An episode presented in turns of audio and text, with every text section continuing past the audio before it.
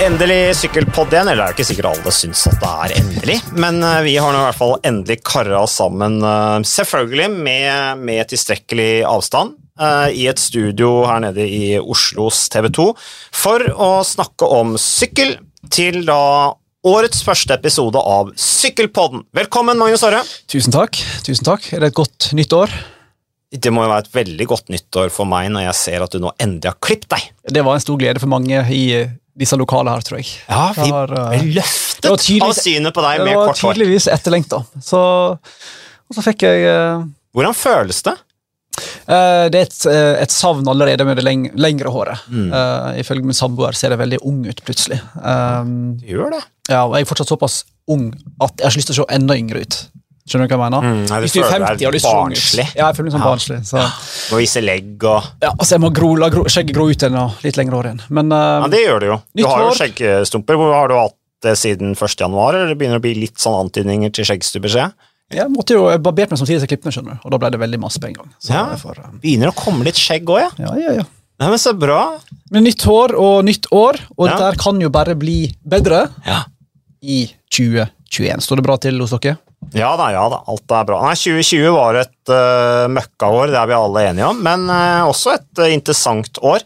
Um, vi så jo mye, Nå skal ikke vi ta en gjennomgang av Nei, det orker 2020-året, for det, det blir for trått. Men vi kan jo bare gå rett på sak, Magnus. Um, 2021, det starter litt trått, det også. Ja, ja. Med avlysninger osv. Vi har Challenge Mallorca som er utsatt pga. covid-19. Eh, Vi har Tour Down Under som er, eh, er avlyst. Det blir bare sånn nasjonalt event. Richie Port eh, skal vi stille så jeg, for et eller annet mm. sånn lokalt setup der nede. stemmer. Uh, Ked Levens Oceans Race er avlyst. The Welta San Juan er uh, vel avlyst. Det er avlyst. Ked Levens Great Ocean Road Race avlyst. Mm. Race Turkey avlyst. Harold Suntour avlyst. Colombia rundt. Colombia rundt. Uh, Tour Fantalia. Ja. Drente. Alentejo. Yorkshire? Yorkshire. Frankfurt. Mm. Eh, Frankfurt? Frankfurt er jo avlyst. Er det også avlyst? Det hadde ikke jeg fått med meg. Mm. Så det begynte litt trått, dette her. Så jeg tipper vi skal um, Hvis vi ser ritt komme i gang sånn med Kyrne og omlopp og etter hvert Paris-Nice, da tror jeg vi skal være heldige. Jeg tror ikke vi får veldig masse før det. altså. tradisjonelle rittstarten, på en måte. Jeg husker i gamle dager, jeg, på 90-tallet, når jeg begynte å bli interessert i sykkel. Det var liksom sånn Etoile du Bessège var vel en stor greie, da. Ja, men det gikk jo ikke på TV. Nei, sånn. ikke sant? Grand Prix Ouverture Le Marseillaise, det var jo liksom åpningen i gamle dager. Uh, og det var jo alltid sånn følge med på når vi fikk sykkelblad Blekka. Uh, Wielerrevy, nederlandske sykkelblad, i posten en gang i uka. Da var det liksom å lese om det. Uh, det var jo før nettet. Tross alt. Altså, jeg er oppvokst før nettet, Magnus. Tenk på det. Så gammel er du. Ja, så gammel er jeg. Og så hadde du liksom Når det første rittet kom på TV, det som da het Hettfolk, som nå er omløp et newsblad det, Og alle disse sykkellagene er jo Nei, alle sykkelrittene er jo arrangert av sykkelblader. Ikke at vi skal prate om det, eller aviser, mener jeg. Ikke at vi skal ta det her nå, men det var liksom Det var åpninga før. Det var eh, Het Folk, nå omløp et newsblad. Så vi får bare liksom ja, gå tilbake til det tradisjonelle, tenker jeg. Ja. Og så er jo um, Det er jo veldig stor rifta selvfølgelig, om å komme med i de få rittene som blir arrangert. Enn så lenge i alle fall gjelder jo det selvfølgelig da Mars, eh, Etoile de Bessège og type sånn to de la Provence og sånt. Men masse tyder vel på at eh, vi ikke får se Uno X i aksjon, iallfall før ut i åpningshelga. Opening weekend, Kyrne og omløp. Um, og litt usikker på når vi får se Kristoff og Boasson Hagen og co. I, i aksjon. Men det blir vel sikkert i løpet av februar i noen av Kanskje type Algarve eller uh, Kristoff skulle annet sykle Mallorca, men det er jo avlyst nå. Så. Ja. Utsatt, i alle fall. ja. Men vi kommer nok i gang på et eller annet tidspunkt. Mm, vi gjør det. Men Får vi håpe. jeg så på rittprogram til Tom Dumoulin, apropos litt overraskende. Eh, Jumbo Visma-rytteren som, eh, som eh, jo eh, hadde en sånn middels sesong. Brøt jo Spania rundt etter å ha blitt topp ti i Tour de France. Eh, store Tom han skal endre veldig på rittprogrammet sitt. Det, var litt sånn nyhet, tenkte jeg. Skal kjøre Strade Bianchi, det er greit nok for en rytter hans kaliber. Han kan gjøre det bra der. Tireno Adriatico, helt greit. Milano Sanremo, greit nok, liksom. Da kjører han sikkert hjelperytter. Men så skal han plutselig kjøre E3 Harelbekk og Flandern rundt. Det er jo litt artig for en rytter som jeg ser på som en fyr som liksom trenger litt plass rundt seg. Som som, kanskje, ja, som kanskje ikke er så glad i å angripe hver eneste sving for å komme langt fram i feltet. Eh, krige inn på brosteinstrekkene. Det er interessant. Ja, men jeg liker det. Det, det er nok et tegn på en litt sånn økende grad av allsidighet blant disse samlerrytterne i feltet. Eh, Det var noen 10-20 år der vi kun hadde oppsett, Contador og Froome og co. i Grand Tora, og vi så det aldri ellers. Men nå ser vi på en måte eh, en Mark Hirschi som er god i klassikere og Grand Tora. Du ser Evenepool er god i alt. Roglic er god på absolutt alt. Så du ser en litt sånn der eh, tilbake til 80-90-tallet, en slags tendens mot at rytterne faktisk er gode på flere terreng. da. Ja, Greg LeMond, Bernard Ja, Hinault, Sean Kelly, Roubaix, og Jacques sykler jo- Anquetil, ja. Eddie Ja. ikke minst. Så jeg tror Dummela òg er skapt for å kunne være god i, i Flandern. Vi har sett ham briljere i, i lignende løyper i Binkbank og Enik og Torup i morgen, og eh, kanskje brostein. Det, Det viser det at det handler bare om holdning. Ja, ja. Altså Det handler bare om Vi ser jo det samme med, med, med Nibali, som ofte har prøvd å kombinere. Så jeg synes det er kult at, eh, så det, at jeg brancher litt ut, disse samla eh. Mm. Nei, for det er ganske tøft sånn mentalt å kjøre Flandern rundt kontra Liège-Bastogne-Liège. Det er jo et helt annet ritt. Liège-Bastogne-Liège kan du kjøre fra bak i feltet og bare sitte der, og så blir feltet mindre og mindre og mindre. Du flytter deg framover og framover. Men, men i Flandern så må du kjempe om posisjonene på en helt annen måte. Det skal bli spennende å se hvordan Tom de Melay gjør det, men det er helt sikkert utviklende for han som syklist. For jeg tenker også Tour de France er jo på en måte en krevende øvelse, det også, ved at arrangørene i hvert fall eh, eh, Kanskje ikke så mye i årets løype, men, men tidligere har de lagt inn mye sånn eh, type smale veier, klassikelementer, som, som gagner robuste ryttere, da, som takler alle slags fronter. Så det er litt artig utvikling. Så vi heier på Tom de Melay der. Eh, Mikkel Landa han er jo en av dine favoritter, eh, Magnus. Eh, vi har jo snakka mye om han. 30 år gammel er Landa blitt nå. Han skal kjøre giroen og Spania rundt for sammendrag, men så har jeg samtidig sett at han eh, også skal vurdere å kjøre giroen Tour de France. Har du noen nyheter der fra dine spanske venner, eller? Ikke mer enn alle andre, tror jeg. Giro Tour. Kombinasjon skal han kombinere. Fokusere mest på Giro, og så håpe at formen holder lengst mulig i Tour de France. er vel planen. Ja. Så um, han er god på å kombinere, har gjort det veldig mange ganger. Uh, han gjør vel alltid det i oddetallsåra, og i år er det 2021, ja. Han pleier å kombinere, han gjorde vel i 17 og i 19, og gjør det nå i 21. Uh, så det tror jeg blir veldig bra. Da- Og han skjønner vel òg at i Tour de France, med så på mm. hvis jeg ikke har fått det til før, det har han ikke gjort, da får jeg iallfall ikke til i år, så det er bedre å fokusere på giroen først og fremst, og så kanskje gå for en etappeseier eller to i, i touren. Det blir spennende, det. Det blir jo litt artig Tour de France i år, da. Eh, hvis man ser litt på løypa. Eh, det blir jo ikke så mange toppavslutninger, det er bare tre toppavslutninger i årets løype, men det blir der, de legger heller mål da i bunn etter utforkjøringen. Eh, Blant annet på Mont Ventoux-etappen. Eh, og så kan man si at det er jo kjipt, for da, da folk tenker liksom eh, spektakulære finaler gjøres når det er mål på toppen av fjell. Men tanken fra arrangørene er jo at det skal bli lengre finaler, fordi at de har sett at disse målgangene på toppen av fjell de blir gjerne at man sitter og venter den siste kilometeren, og så kliner man til, sånn som vi har sett særlig Roglic gjøre. Men nå er liksom Målet deres er da at finalene skal bli mye lenger, for de må angripe tidligere opp siste fjellet, og så får du disse halsbrekkende utforkjøringene da, som kan bli ganske vilt. Så det Du kan fort få større avstand enn mål òg. Ja. For det blir mer taktikk involvert i utforkjøringen, og bla bla, istedenfor at du bare får disse her fem sekunder mellom hver rytter på toppen av fjellene. Mm. Det er jo litt deprimerende hvor, hvor små forskjeller disse klatrerne egentlig klarer å få i fjellene, kontra det de får på tempoetapper. mm. Som det i masse ved i årets Store de France. Så det syns jeg er litt kult. Synes jeg er litt... Fordel Landa, eller? Med disse utforkjøringene til mål? Hvordan er egentlig han utfor? Han er jo, jo, han er god utfor, som alle baskere, men han er jo ingen veldig sånn spurtsterk fyr. Så det minsker vel etappeseiermulighetene hans. Han er jo bedre på en toppfinish, men um, jeg tror nok ikke han vinner noen særlig etapper der uansett. Han er jo en under, under hva heter det? Underdog? underperformer, altså en, eh, en rytter som lover masse, men som ikke alltid leverer helt. Nei, han er sånn, Vi fortsetter å få veldig høye forventninger til han. liksom synes han er en spennende jeg, ser, jeg ser på han fortsatt som ung og lovende. Og så det jo at han er jo faktisk 31, ja. Ja, og har vært seks ganger topp ti i treukersritt. Beste er eh, tredjeplassen i Giron i 2015, hvor han var bak Alberto Contador og Fabio Aro. Så han er jo offensiv, da. Det skal han ha. Han skal også kjøre Flesh Vallon og Liège Baston Liège. Eh, Og det betyr jo da, hvis han skal kjøre Giron og Tour de France, så regner jeg med at OL er helt ute av bildet. Ah, du veit aldri med Mikael. Han. Nei, det kan ikke det. Og så du. spørs det med OL. Sant? For nå er det snakk om at du kanskje må ha sånn to ukers karantene, eller at du må komme til Tokyo i Japan to uker før rittet starter. Og det er jo, Hvis det stemmer, det har blant annet det belgiske forbundet fått beskjed om, så kan jo ikke folk fullføre Tour de France. Så det vil jo kunne ødelegge sesongen ganske masse hvis det stemmer. Eh, norske forbund har ikke fått samme beskjed. Så, men rapportene skal til at det belgiske olympiske komiteen har fått den beskjeden. At alle må komme til Japan to uker før. Ja. Men jeg tipper de klarer å ordne en spesialavtale om at et eller annet med at ja, men du er jo i en boble i Tour de France, og derfor så kan du gå til en ny boble. Altså. Ah. Men det er jo litt problematisk ja, hvis alle må bryte Tour de France halvveis for å rekke OL.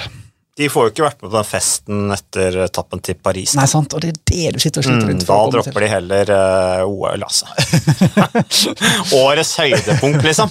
Ja. På nattklubber i Paris etter å ha kjørt tre uker rundt i Frankrike. Jeg kunne hørt rykte om det, jeg hadde vært med på det sjøl, men jeg hørte det er gøy. Ja da, jeg har vært på et par av de bankettene. Du har vært på bankett sjøl òg, men det er den TV 2-banketten. som gjerne ender klokka ti om Ja, kvelden. pent og pyntelig for seg. Alle er så slitne. Men sykkelrytterne som sykla tre uker, de er ikke slitne, Nei. liksom. Nei. Men uh, apropos uh, uh, Apropos klassikere, du var litt inne på det dette her med at vi ser Du nevnte Marsh Hirschi, den unge sveitseren. Eh, Hva syns du om overgangen hans til UAE, som plutselig slo ned som lyn fra klar himmel? Nå i januar, det er ikke mange dagene siden det ble bekreftet, faktisk. Ryktene begynte å gå før bekreftelsen kom, selvfølgelig. Sånn som det pleier å gjøre i sykkel. Eh, Veldig glad at han ikke endte opp i Ineos, for det første. De har hatt en Mm. tendens til å kjøpe ut ryttere. Um, men eh, nei, det kom litt som uh, lyn fra klar himmel, ja. Uh, Snakke om det folk rundt om i miljøet som Det var helt nytt for deg òg. Altså sentrale personer rundt om i ulike storlag. Um, så det tror jeg kom litt ut av det blå.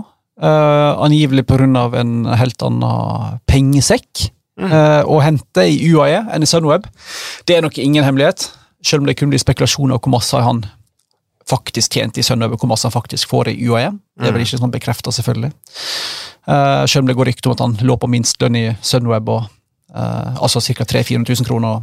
Men hvem var manageren hans da? Er ikke mange det? millioner UAE. Men er det ikke Fabian Cancellara som er manageren til Hirschi nå? Stemmer det? Men hvor lenge har de jobba sammen, vet du det?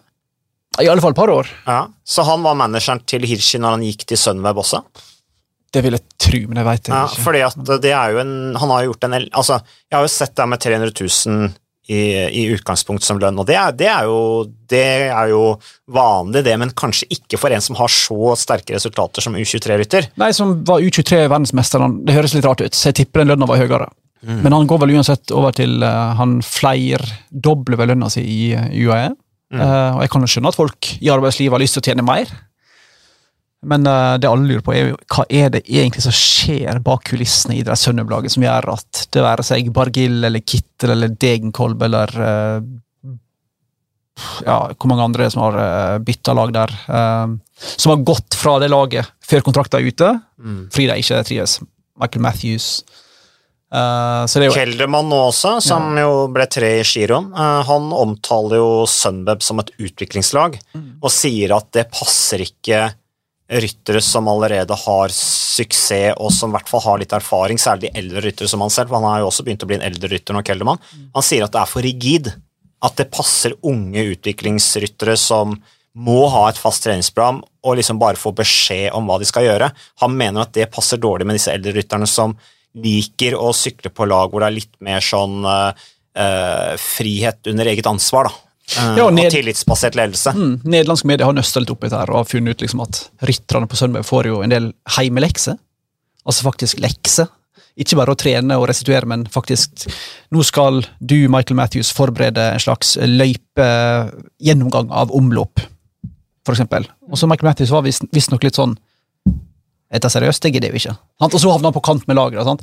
Så en del utstyrsting. Så det er ganske mange ting som det virker som uh, Sunweb uh, krever av rytterne sine. Mer enn bare det sportslige. Men er ikke det en veldig smart måte for managerne å slippe å forberede seg? Du må jo delegere jobben ut! Det er jo, det er jo, akkurat, det er jo veldig bra ledelse. tilbake? Nei, Michael Matthews kan ta den der kjedelige forberedelsesjobben med løypa i omløp. Altså, Jeg gidder ikke det nå. Hva er det vi har disse rytterne til, liksom? Så det har visst veldig mange sånne ting de må gjøre, eh, og en del sånne ting som er vanskelig å Det er ikke bare å eksperimentere med utstyr og teste ting, visstnok heller. Så mm, det passer nok ikke alle som blir veldig gode. Sikkert enklere for de som er litt unge og som innfinner seg med det meste. Vi får høre med Andreas Sånn som Andreas ja, Leknesund. så, vi får høre med Andreas Leknesund om et halvt års tid hvordan eh, det egentlig er å være i Sunweb. Uh, Andreas Leknesund, du eh, har eh, herved en åpen invitasjon til å komme til Ja. Sykkelpodden for å snakke dritt om ditt eget lag om et halvt år. Eller si at det vil du bare tilbakevise på det sterkeste. Du trives veldig godt, og du har aldri opplevd det. Du kjenner deg ikke igjen i den beskrivelsen. Sånn som Kelderman eller Michael Matthews kommer her, da. men det blir jo et helsikes unnskyld uttrykket, helsikes lag i UAE, da, med Pogacar og Hirschi og uh, Gaviria og Kristoff og Formål og, og alle disse unge godrytterne de har, og Trentin og altså Det blir jo et eh, skikkelig A-lag, da. Så Ja. det, det, det vokser på en måte fram liksom, føler jeg, fire store lag i sykkelsporten. da. Jumbo, Visma, Ineos, uh, The König Quickstep og UAE. Eh, fire lag som driver litt forskjellig, men som alle har en voldsom oppsamling av svært godt betalte og sterkt presterende ryttere. Og av de så er det Kenny Quickstep nederst på rangstigen, etter min mening, da, sånn rent økonomisk. Økonomisk er det absolutt det, men det har likevel evnen til å samle liksom, år etter år, få fram verdens enere gang på gang på gang. Da. Eh, De er gode til å pusse støv av folk òg, da. I det Ja. Kenny Quickstep. Altså Folk kan komme tilbake dit og begynne å prestere igjen. Jeg sier ikke at det kommer til å bli tilfellet med, med vår venn Mark Cavendish, men allikevel så, så er de, det er et eller annet de gjør i The Kenny Quickstep som er veldig bra, da. Tydeligvis. Eh, Men eh, jeg var litt inne, du, du er inne på et godt poeng der, eh, Magnus. Dette her med hierarki i sykkelsporten. Det, men det ser man jo også f.eks. i fotball. At det er jo de rikeste klubbene stort sett som vinner der også, uten at jeg følger altfor mye med på fotball. Du følger mer med Money meg. talks. Ja. Og sånn er det i ferd med å bli i sykkel også. Eh, og sånn som UAE, de har jo egentlig ikke noe budsjett, tror jeg. Altså, de har et budsjett, men så gjør de noen telefoner, og så bare øker de budsjettet. Jeg så jo også nå på, eller de, de ordner lønningen til rytterne via andre kanaler, da. Sånn som for eksempel Valp van Ert nå. Han har jo også blitt linka til Team Ineos, det var i desember. Men nå er han visstnok nære en ny avtale med Jumbo Visma, og da er det særlig Jumbo-kjeden i Belgia som da blar opp ekstra som en del av markedsføringsbudsjettet deres, som da sant, er helt sikkert penger som er helt utenfor lagets budsjett. da. Eh, fordi at de skal vokse i Belgia. Det er klart at Walf van Ert er jo en superstjerne i, i Belgia, uten tvil. Så, men nei, det blir spennende å se på UAE. Eh, apropos UAE, de har jo fått sine vaksiner. Um, var det ikke sin... Hva var det? Sinopharm var vel Ja. en sånn kinesisk eh, produsert vaksine. De liker kines. Altså, de har sånn blanda forhold til Kina, det laget der, som tidligere het Lampere. For de ble jo egentlig kjøpt opp av et kinesisk selskap, og så skar det seg pga. noen kommunikasjonsproblemer og noe sykdom og noe greier. Og så ble de henta opp, eller redda, av UAE. Uh, og først i den vaksinekøen, det var jo Mauro Gianetti. Mannen som uh, var på, på toppen av 90-tallet. Sykla bl.a. i Polti, fikk medalje i VM annet, og proppa seg full med doping. Han sto først i køen for å få den vaksinen. Han elsker å eksperimentere med, med Han med, ting han kan prøve, få inn i årene. han ble med på et prøve, frivillig prøveprosjekt for Ja. å teste den ut. Ja, han er ikke vond å be Neida. når det gjelder kjemi. Men, eh, men så har jo han da fått ordna en deal sånn at hele UAE-laget eh, også får vaksine, da. Eh, og jeg ser eh, Det kommer litt sånn reaksjoner på det. Eh, Ja, ikke bare litt. Nei, du, du Ja, har altså, Det har kommet ned reaksjoner på, på TV2 Sykkel sine Facebook-side. Eh, når vi skrev om dette her, at eh, Bystrøm, Stakelangen og Kristoff eh, fikk vaksine, så var det jo ikke alle som nødvendigvis helt så forbi overskrifta, som var litt uheldig. Det er jo vårt problem. Vi tok, eller ikke, jeg var ikke med på det sjøl, men det ble lagt inn en NTB-sak om at eh, de sneik i køa.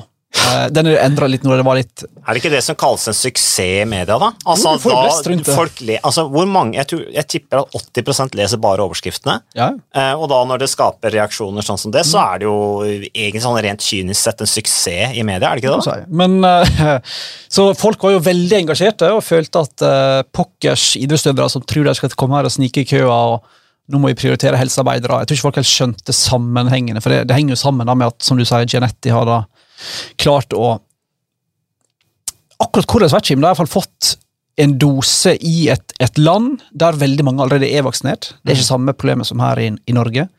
Og så har en da mm, ry- rytterne fått tilbud om, av arbeidsgiveren om å få vaksine. Så, så bare sånn en gang for alle, det har ikke hoppa noe kø i Norge eller snytt noen helsearbeidere Nei, i De Norge får jo ikke vaksine. vaksinen vi bruker i Norge engang. Nei, det Dette her er en vaksine som ikke er godkjent av EU, faktisk. Eh, Og det er jo Emiratene, et veldig lite land, som tydeligvis har en dose medisiner liggende, som de da har Og det kan tilbudt. godt, altså, sånn som vi kjenner UAE og Midtøsten, så kan godt hende at ikke alt er på eh, Ikke alt er gjort i, i, på den mest idealistiske måten der nede. Det veit vi ikke. Det det eneste- har vi jo en del bevis på, da. Det, men det eneste vi vet, er at de norske gutta og laget fikk tilbudt arbeidsgiveren, arbeidsgiveren, og sa selvfølgelig ja takk til det. Så i mine øyne har ikke jeg gjort noe galt. Nei. Men er det greit at idrettsutøvere generelt kommer foran køa, syns du? Hvis, altså hvis du sier for eksempel, i, i Norge da, bør olympiske utøvere her få vaksine før OL, eller bør de stille seg i samme kø som jeg og du og alle andre Ola Nordmann? Det, det, er sikkert, det er sikkert gode argumenter både for og mot der, da. Men la oss se på isutøvernes situasjon, da. Det er Nå har vi nevnt en mengde ritt som er avlyst, men det er sannsynligvis ganske mange ritt som kommer til å bli gjennomført også, eh, som medfører en god del reising.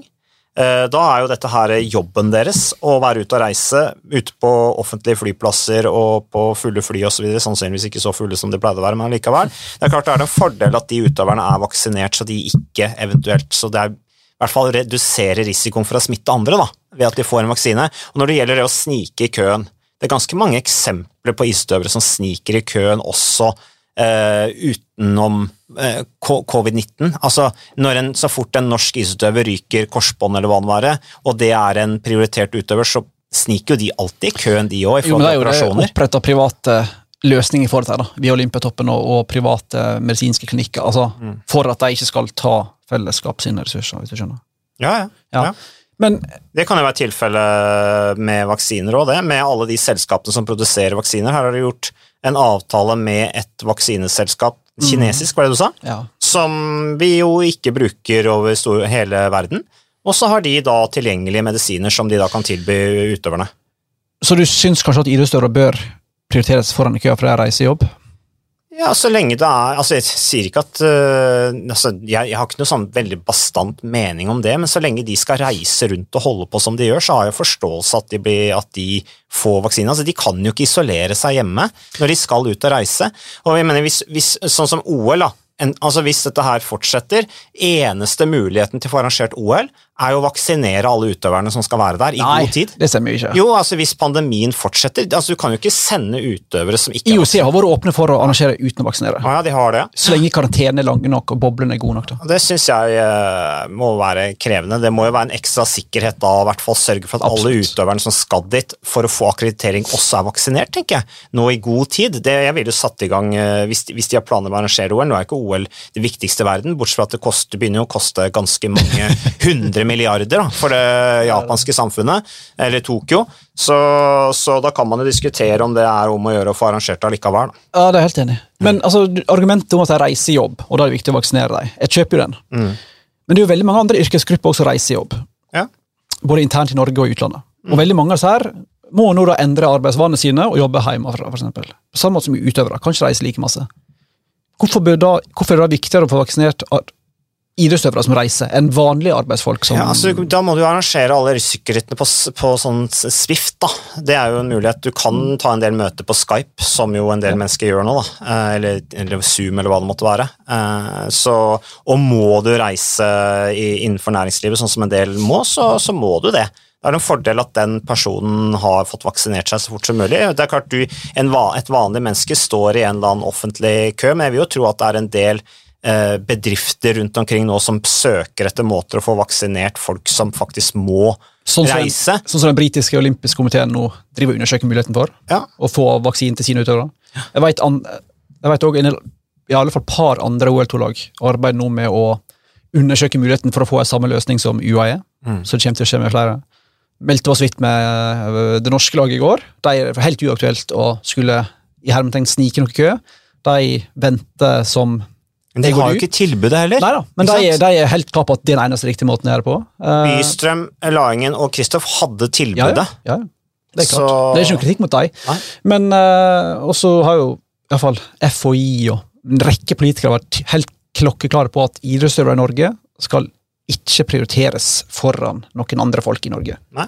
FHI i hvert fall hun- hva jeg sa, 100% sikker på at det aldri kommer til å skje. Så norske OL-utøvere får nok sannsynligvis ikke vaksine foran i køa. Og jeg tror ikke Olympiatoppen heller tør å prøve på det. For det i Norge, moralens høgborg på godt og vondt, Ja, ja. så blir det sett på som så kontroversielt at det tror jeg dessverre ikke kommer til å skje. da. Men, men jeg tror, Eller dessverre, sier jeg, jeg tror jeg, det jeg, til å jeg tror at det som er interessant da, i en sånn diskusjon, da, i, en, i enhver diskusjon, er ikke nødvendigvis å vinne diskusjonen, men å få fram alle argumentene og få fram nyansene. Da. Og Det tror jeg også er litt viktig. Du nevnte at det var mye reaksjoner på Facebook-sida til, til sykkel i, til TV 2.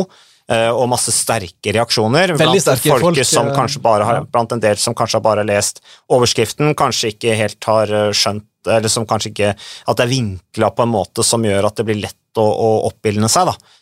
Og det er det jo gjerne når man leser en del saker i media.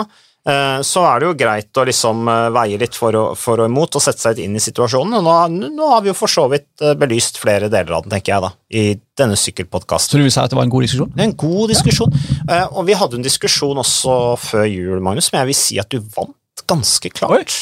Vant jeg? Ja, du Hva var det av en diskusjon, da? Jeg husker ikke hva det var. Jeg lurer på om det var covid-19, det òg. Der er du sterk, altså. Jeg altså. er så politisk korrekt, vet du. At det, ja. Ja, du er det, men det, det viser at det politisk korrekte, det trumfer. Igjen og igjen. I Norge trumfer alltid. Ja. alltid. Så, øh, så det er bra, det, men det er jo flott å løfte opp debatten. Ja, og så tror jeg veldig mange er redd for å si noe feil. Mm. For jeg tror, jeg tror ganske mange utøvere der ute tenker at ja, vi bør jo egentlig få det litt før, for vi skal konkurrere før OL og i OL. eller sånt. Men det er i hvert fall ingenting i Norge som tyder på at det er en politikk som kommer til å bli innført her. altså. Nei. Både fra politikere og fra faginstansene våre, som sier at det kommer ikke til å skje. Jeg husker det vi diskuterte sist. Det var Tour de Ski. Ja, Ja, og da, da, det var jo covid-19. Der det er knust diskusjonen. Ja, det knuste. Det var helt rå, Magnus. Helt rå. Eh, Men da har vi tatt den diskusjonen om UAE og vaksiner. Vi har i hvert fall snakka om det. Eh, Alexander Kamp går ut på Twitter og uttrykker skepsis til at toppid- topptrente idrettsfolk Han er jo skeptisk til foran- det meste, da, for å si det sånn. Han er skeptiker, han er tørr å mene. Uh, han er skeptisk til at idrettsfolk skal gå foran helsearbeidere og folk i sårbare situasjoner. Ja. Så det, og det, er, det har jeg stor respekt Ja, for at det han er det. mener. Eh, Så, men som sagt, eh, disse gutta til UAE er tilbudt å ta denne vaksinen, og de, jeg tror ikke de har så veldig mye annet valg enn å si ja heller. Jeg. Nei, og hvem, er det som sier nei hvis du får tilbudt arbeidsgiveren din å få vaksine? Jeg hadde ikke sagt nei hvis TV 2 kom og spurte meg jeg hadde lyst på. Nei, det hadde ikke det, nei. Nei, ikke hvis jeg var klar på at dette ikke går på bekostning av noen andre. Du har ikke bedre moral enn det, altså. Nei. Hvis, hvis det var sånn Magnus vil du ha, men da får ikke den sykepleieren der. Da hadde jeg sagt, da hadde jeg sagt nei. ser du, du har ikke noe bedre moral, du heller. Jo, du skulle sagt nei, jeg, jeg vil ikke gå foran andre. Jeg syns det er helt det feil at TV 2 tilbyr meg en vaksine.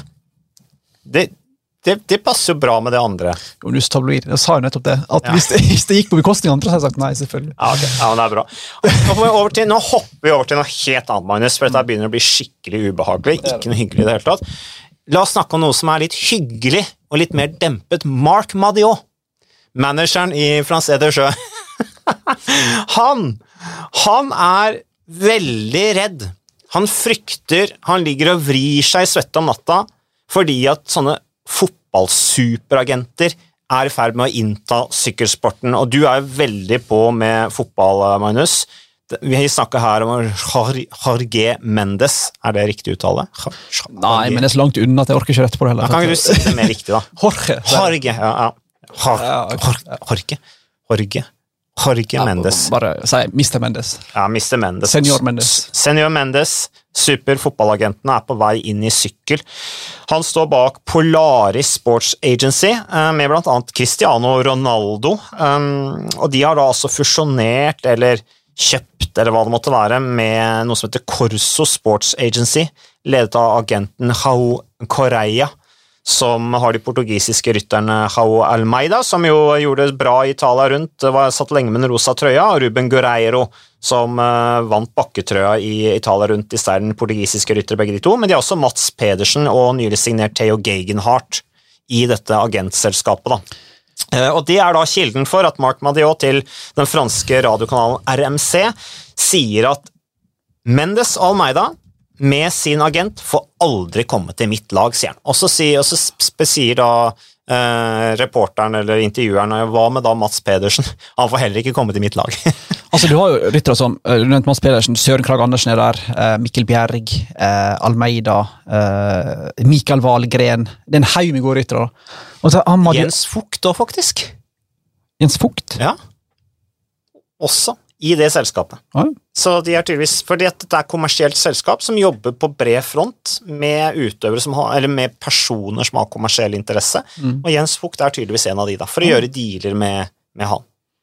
Så, men fortsett. Jeg bare Ja, det Poenget var Madiot Det er så uinformert og hysterisk at jeg klarer nesten ikke å ta noe seriøst. Du er oppgitt? Jeg jeg er helt oppgitt. Han mener da i fullt alvor, en av fransk sykkelsports viktigste kontinuitetsbærere og maktpersoner, mener da at han kan ikke signere Theo Gegenhardt, en ung, solid, fantastisk syklist med tilsynelatende gode verdier, fordi Corso Sport har inngått et slags formelt samarbeid med hva heter det, eh, selskapet um, Ja, altså Polaris. Polaris, som gjør Det er Polaris, Det er jo ikke sånn at Mendes sitter og det, Han er ikke alene i Polaris, da. det er jo et svært selskap. Han er en av mange som jobber i selskapet. Så i og med at noen i samme selskap som Mendes skal jobbe med den kommersielle interessen til noen portugisere, skal ikke Mark Madiot kunne signere Theo Gegenhardt. Eller Michael Valgren. Altså det, det er en stupiditet på et, på et nivå som er så lavt at det bare Jeg har lyst til bare Av og til må du bare blokke han ut av og til. altså Mm. og skulle uten å måtte sette seg inn i ting, så kan han bare basunere ut alt mulig rart. Og det skal, Da skal han ikke signere en haug med skikkelige og gode og unge ryttere. Fordi at han mener at hvis noen samarbeidspartnere av dem har en tilknytning til noen som kjenner Jorge Mendes, så kanskje jeg sykler på mitt lag. Altså, Gud bedre, jeg forstår ingenting. Nei, så, men det er det vi da kan kalle litt sånn unyansert utfall ja. fra Han virker som han har behov for å sette seg inn i ting. da. Nei, men han er jo konservativ. Gang på gang så bare peiser han på, og så er det bare sånn Har du egentlig lest mer den overskrifta, eller? Men det han er redd for, er jo lønningene til rytterne, at, de skal, at det skal gå inflasjon i de. Altså, med, Men- men som altså- med fotball som skrekkeksempel, da. Jo, men hvordan skal en agent plutselig bare endre lønnsstrukturen i, i et marked der du ikke har grobunn for den lønnsstrukturen? Skjønner du hva jeg mener? jeg ville jo sett på dette som en ressurs. Jeg, jeg ville Ja. sagt, Oi, så gøy at en superagent som Mendes, som jo jobber med fotball, liksom, verdens største idrett, ser potensial i sykkel. Ja. Det må Det er kunne bidra til å øke interesse for sykkel, og, og bidra til kommersiell interesse for sykkel. Exakt. Ja, Det ville jeg tenkt, da. skal vi selvfølgelig ikke ha noe av Nei. hvis du heter Mark Madio. I hvert fall ikke hvis du er fransk manager og vært for lenge i sykkelsporten og heter Marc Madio. Ja, det, det. Så uh, leve konservativismen. Ja. Mm, det er det vi kan uh, konkludere med der. Uh, det han også da er Det som kommer opp her òg, er dette her med overgangssummer osv. Det er jo interessant med i forhold til Mark Hirschi òg. Som jo bryter kontrakten sin forhold, før kontrakten har gått ut, og hvor mye UAE eventuelt må betale for det. Eh, Bossmann-dommen kommer inn her. Hvis du har fullført hvis du har fullført kontrakten ditt, så kan du gå gratis til neste klubb, som jo den, den Bossmann-dommen er. Um, så det er jo litt interessant med, med han Savio and, uh, i Androni Giacatoli, som er en farverik manager som jeg tror tenker faktisk hakket mer kommersielt enn det Mark Madeo gjør. Han signerer jo alle disse unge rytterne, annet Egan Bernal, på lange kontrakter, sånn at lagene må kjøpe han ut. da. Og Savio får ekstra cash i lomma, gjør det sikkert ganske bra på det, Savio. Så ja, jeg vet ikke om det var en avsporing av debatten, eller om du har noe å legge til der, du som er inn i alt som har med fotballagenter og klausuler og sponsorater å gjøre. Nei. Johnny Savio er jo òg en sånn gammel ringrev, da. Som eh, det er kanskje litt for mange i sykkelsporten. Mm. Han, eh, han dealer og wheeler litt eh, Litt som en fotballagent, egentlig. Han er faktisk det. Eh, han minner meg om en sånn Harry Rednap, hvis du kjente han. Mm, ja, ja. Så um, det er masse rart som rører seg i, hvert fall, i kulissene. Og forskjellen på fotballen så er jo at disse her sportssjefene blir jo bytta ut i alle fotballagene når de gjør en dårlig jobb, eller sier idiotiske ting. Mm. Sykkel så er jo ikke samme strukturen, selvfølgelig. Du eier jo laget mer enn at du styrer, eller du gjør begge deler. da. Ja, Si hva du vil. Ja, så du sitter liksom, er, sånn, det er, en, det er en jobb, så på, fast, på lik linje med det å jobbe i kommunen i Oslo. Så du mister jo ikke den bare fordi du gjør en litt dårlig jobb av og til. Poenget er det at det er managerne som er laget. Ja, og det kunne kanskje vært en idé for enkelte å organisere sitt annerledes, sånn at det faktisk var mulig å bytte ut en del av disse her litt sånn slitne managerne når de A. gjør en dårlig jobb, eller B. oppfører seg litt sånn Det burde jo være jobben Fjollete. til styret, det da. Til det selskapet. Exakt. Sant? Sånn, nå vet jeg ikke hvordan alt er organisert, det er vel sikkert For hva jeg vet, så kan det jo være at man, Jeg tror nok at det er en del av managerne, eh, som Mark Madios, som også eier størstedelen av Ja, selskapene, som igjen eier sykkellag. Samme som vi er inne på Eusebio Unsue, som eier jo da liksom, agenturet, eller si, eier um, lisensen sant, Mm. sjøl. Han nå kunne kanskje bli bytta ut etter hvert, når en ser at Movistar år etter år ikke leverer i forhold til forventningene. Men EF Education er det jo annerledes. Der er det jo EF-sponsoren som eier sykkellaget og kan Mm. sparke eh, Jonathan Waters når som helst, Mm. slik jeg har forstått det. Burde jeg gjøre det? Ja, jeg synes, eh, Jeg vet at min gode venn Tor Hustad ikke liker Jonathan Waters, men jeg har litt sans for den. jeg. Jeg syns han er morsom. jeg. Ja, ja, fargeklart. Masse meninger, og han er De gjorde bra sesong i, i fjor også, EF Education. De er på vei opp og fram med alle sine colombianere som de satser på. Så, eh, men da tror jeg vi avslutter den sykkelpodden før den blir Vi pinlig lang igjen. Kommer tilbake neste uke med litt eh, norske forventninger. Da er det sikkert litt mer klarhet i kalenderen til det være seg Karl Fredrik Hagen eller Kristoff eller Boasen Hagen. Skal vi ta en gjennomgang av det? Ja, vi kan jo Litt snakke litt om Chris sykle da. Før vi bare kjapt før vi Ja. gir oss. Han er jo i Han vil jo ikke Han reiser ikke på samling med Carl Fredrik Hagen som avtalt skulle jo egentlig være på samling i Israel. Den ble avlyst pga. covid-19. Skulle de arrangere De er, arrangerer vel da en samling i Girona, som da Chris Froome ikke deltar på. For han er under intens oppbygging i Santa Monica i California, og er faktisk på behandling på dette Red Bull-senteret i Santa Monica, selv om han ikke er Red Bull-utøver. Ja, jeg stussa litt på det der, hvordan det der gikk til. Har han en privat avtale med Red Bull? Nei, men jeg tipper de syns det er stas å hjelpe en fire ganger Tour de France-vinner uh, i gjenopptreningen for at han skal komme tilbake. Uh, det vil jeg jo tro, men han er jo ikke Red Bull-utøver. Men hvem veit, kanskje han får en avtale med dem? Ja, men jeg ser ikke på Chris Froome som sånn utprega Red Bull-utøver. Han er liksom ikke Han er ikke like liksom. frittalende og ærlig som en eh, si, Henrik Christoffersen eller eh, mange av våre andre norske Nordamørk. Det Altså, er, jo, er det noen landeveisryttere som har Red Bull-avtale? Jeg vet at det er i Ja, Walt Wout van Ert Wout har Aert, Red. Bull-avtale, men det er kun når han kjører sykkelcross. Eh, han da sitter med kapsen capsen sin ja, med Red Bull på. Da, har han andre, da eksponerer han andre sponsorer faktisk enn det han gjør på, på landeveissykkelen. Uh, og det er jo uh, uh, Prévost Ferrand er jo Red Bull-utøver. Ja, Ferrand Prévost, mener jeg. Uh, og ja, det er jo flere andre også innenfor Det er jo et mer terrengsykling og slags sykkelcross. terreng, litt Ja, annet miljø ja. der for eh, Så, eh, så noen er det, men, eh, men ikke all verdens av de i landeveien, og det er jo også utfordringen i, og med at det er, liksom, det er jo ganske låst da, eh, i, i landeveislagene, de store landeveislagene i forhold Ja, for til hvor mye du kan eksponere Ja. av sponsorater. Så, så det blir spennende å se, men han får i hvert fall behandling på Red Bull-senteret i, i Santa Monica. Godeste Chris Froome. Nei, men da tenker jeg vi takker for oss, Magnus. Takk det. Takk for innsatsen. Takk det samme. Det, du leverte like bra med kort hår som med langt. Det er godt å høre. Så får vi håpe at uh, 2021 blir et uh, bedre år enn eh, 2020 var. Det skal jo ikke så masse til. Ja, men Det har vært en dårlig start, så det Ja, ser det jo har ikke så bra ut. vært en dårlig start. ja. Ja, så det, det er litt trist, men sånn er det. Men uh, ønsker alle en eh, riktig videre bra uke, og så høres vi igjen neste gang. Moderne